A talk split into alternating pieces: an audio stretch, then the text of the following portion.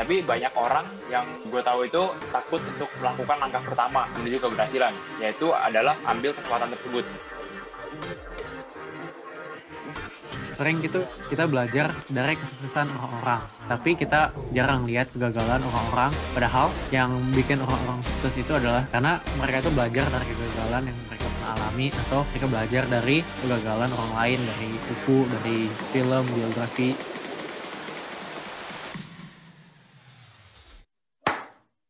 Hai guys, welcome back to Dermaga Bros Podcast bersama gue Ogelvin. Dan gue Bertrand. Di episode kali ini kita akan ngomongin tentang failure atau kegagalan.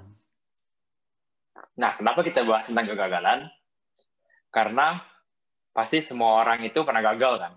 Suka atau nggak suka kita terhadap kegagalan, kita pasti pernah mengalami kegagalan. Dan itu bukan sesuatu untuk yang dipermalukan. Karena itu hal yang biasa dan kegagalan juga adalah hal yang sebenarnya penting di hidup kita. Kayak misalkan gue pernah gagal, dan lu juga kan pasti. Dan hmm. itu adalah hal yang biasa. Contohnya gagal misal di pelajaran, atau di luar pelajaran juga bisa, di komunitas-komunitas lain, di lomba, dan lain-lain. Dan di sini kita mau ngomongin kenapa kita perlu gagal, mungkin bisa dari pengalaman kita sendiri, dan gimana kita uh, nanggepin kegagalan itu. Iya, sering gitu kita belajar cuman atau kita cuma lihat dari kesuksesan orang-orang, tapi kita jarang lihat kegagalan orang-orang. Padahal yang bikin orang-orang sukses itu adalah kegagalan, kegagalan mereka. Karena mereka itu hmm. belajar dari kegagalan yang mereka pernah alami atau mereka belajar dari kegagalan orang lain, dari buku, dari film, biografi, atau apa pun juga. Nah iya, jadi makanya itu sebenarnya kita juga perlu gagal dalam hidup kita kadang kita perlu gagal kayak supaya kita bisa sadar sama kekurangan kita. Dan kalau kadang kita uh, harus gagal dulu, baru kita sadar akan kekurangan kita dan baru bisa belajar. Dan kalau kita belajar, ya kita jadi lebih baik dan membuat kita tahu apa yang perlu dilakuin dan melakukannya lebih gampang di kesempatan berikutnya kan.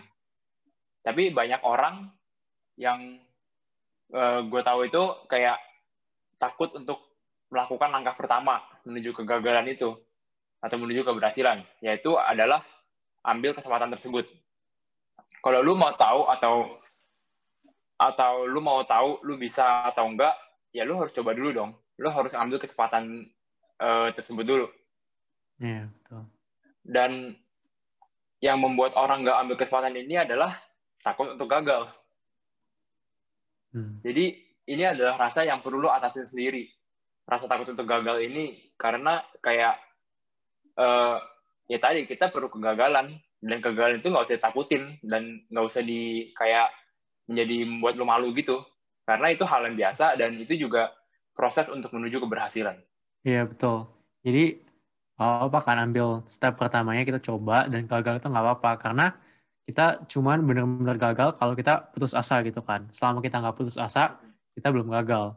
Nah, gue mau cerita sedikit tentang kegagalan yang menurut gue tuh kegagalan paling besar di hidup gue lah selama ini. Cuma baru 21 tahun, jadi mungkin belum terlalu banyak atau kegagalannya belum terlalu ekstrim. Tapi ya, ini yang gue belajar paling banyak dari kegagalan ini. Gue juga udah pernah sebut di video awal-awal.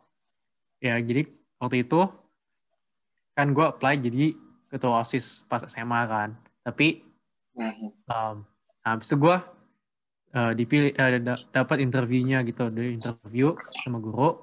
Tapi habis itu gue nggak kepilih jadi kandidat. Ya, kandidat yang kepilih adalah tiga orang lain gitu. Dan kandidat itu yang bakal nanti speech dan juga debate di depan semua orang, semua murid dan guru. Nah, tapi karena gue nggak kepilih, ya gue sedih lah, gue kecewa. Karena gue merasa tuh gue uh, nggak lebih jelek dari tiga orang itu. itu.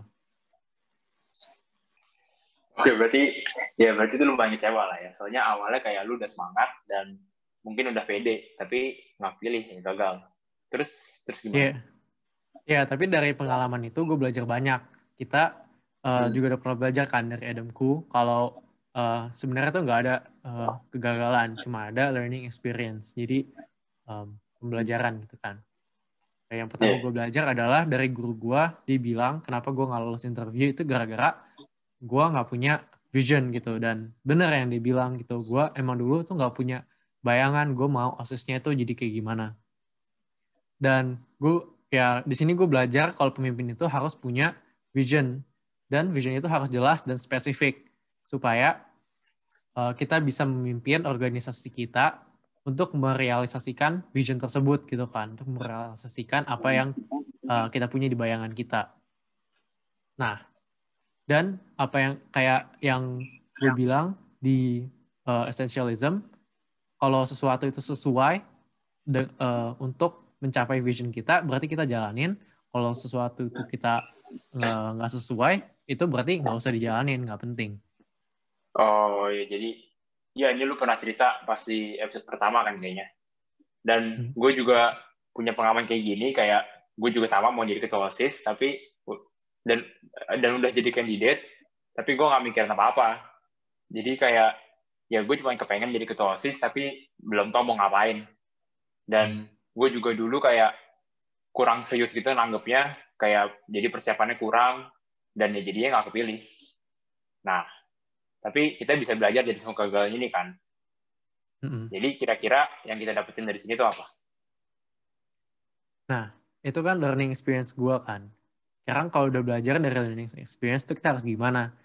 Um, nah, kalau kita udah belajar, berarti kita harus ganti strategi kita dong. Kalau kita udah gagal, tapi kita pakai strategi yang sama terus untuk um, memecahkan suatu masalah atau mencapai goal kita, ya nggak mungkin kita uh, mendapatkan goal tersebut gitu kan karena kita pakai strategi yang sama terus nah, akhirnya gue tetap ikut osis di tahun itu gue tetap um, apa cari pengalaman lagi belajar lagi untuk berorganisasi walaupun gak jadi ketua osis terus itu gue juga pas sampai OSU gue ikut lagi jadi officer um, satu tahun supaya tahu kayak permias OSU itu kayak gimana baru gue tahun depannya uh, apply jadi ketua apa presidennya kan dan gue jadi kepilih karena gue udah uh, punya cukup pengalaman gimana cara berorganisasi dan jadi pemimpin yang baik.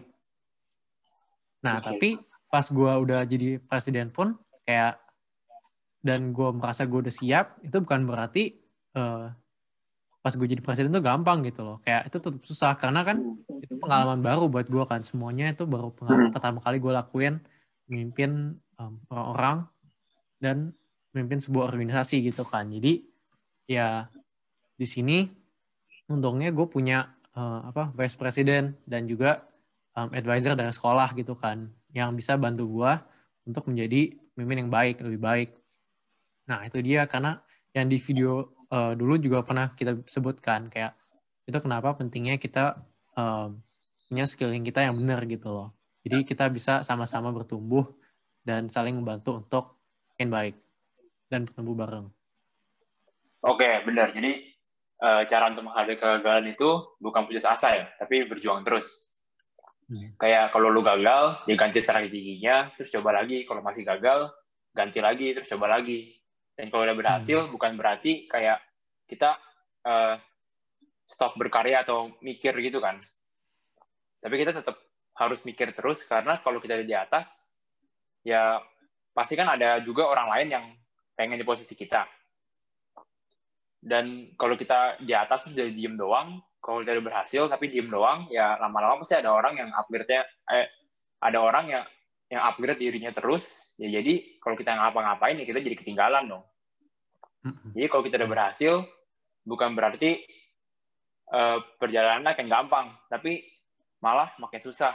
Soalnya kita harus mempertahankan apa yang sudah kita capai dan menghadapi masalah-masalah yang lebih kompleks. Iya, menurut gue sih, ya betul. Menurut gue sih ya nggak usah pedulin orang lain kayak gimana gitu. Tapi kita yang penting fokus ke diri kita sendiri supaya selalu menjadi yang lebih baik. Dan dari cerita sukses kecil ini, ya gue juga belajar kalau fail itu berarti nggak apa-apa dong. Karena ya walaupun dulu gue fail, tapi akhirnya gue menjadi lebih baik dan gue akhirnya bisa jadi pemimpin juga dong. Jadi ya kita bisa belajar dari kegagalan kita untuk menjadi lebih baik. Jadi ya failure itu failure is a part of success gitu loh. Jadi um, ya kalau nggak kalau langsung sukses ya berarti bagus. Tapi kalau ada failure berarti kita bisa belajar dari uh, apa kegagalan kita untuk menjadi lebih sukses. Nggak usah bandingin sama orang lain yang lebih sukses karena semua orang juga punya waktunya masing-masing um, asal kita uh, apa put in the effort gitu loh asal kita perjuangkan dan nggak putus asa oke jadi mungkin episode kali ini tuh lebih pendek dari episode-episode lainnya sebelum-sebelumnya dan sekarang kita mau ajak untuk kita mau ajak kalian untuk berpikir apa yang lu takutin untuk ngelakuin hmm. mungkin bisa uh, presentasi atau bikin bisnis atau belajar sesuatu yang butuh usaha yang lebih. Dan jangan biarin ketakutan ini tuh uh, menahan lu untuk melakukannya. Cobalah hmm. lakuin. Kayak kalau gagal, ya coba lagi. Kalau gagal lagi, ya coba lagi. Dan lakuin terus sampai berhasil. Belajar dari kegagalan hmm. itu dan uh, bounce back gitu loh. Jadi belajar dari kegagalan lu dulu, belajar dari kegagalan lu dan ya upgrade diri lu terus. Biarkan diri lu gagal dan yang penting adalah jangan takut untuk gagal, tapi takut untuk nggak ngambil kesempatan tersebut. Oke, mantap. Jadi setelah um, tentang kegagalan, ya semoga video ini bisa berguna untuk kalian. Dan kalau misalnya kalian merasa ini berguna, tolong like video ini dan juga share ke teman-teman kalian supaya uh, teman-teman kalian juga bisa belajar dan kita semua bisa ketemu bareng-bareng. Oke, okay, uh, see you guys in the next episode. Bye bye. Bye bye.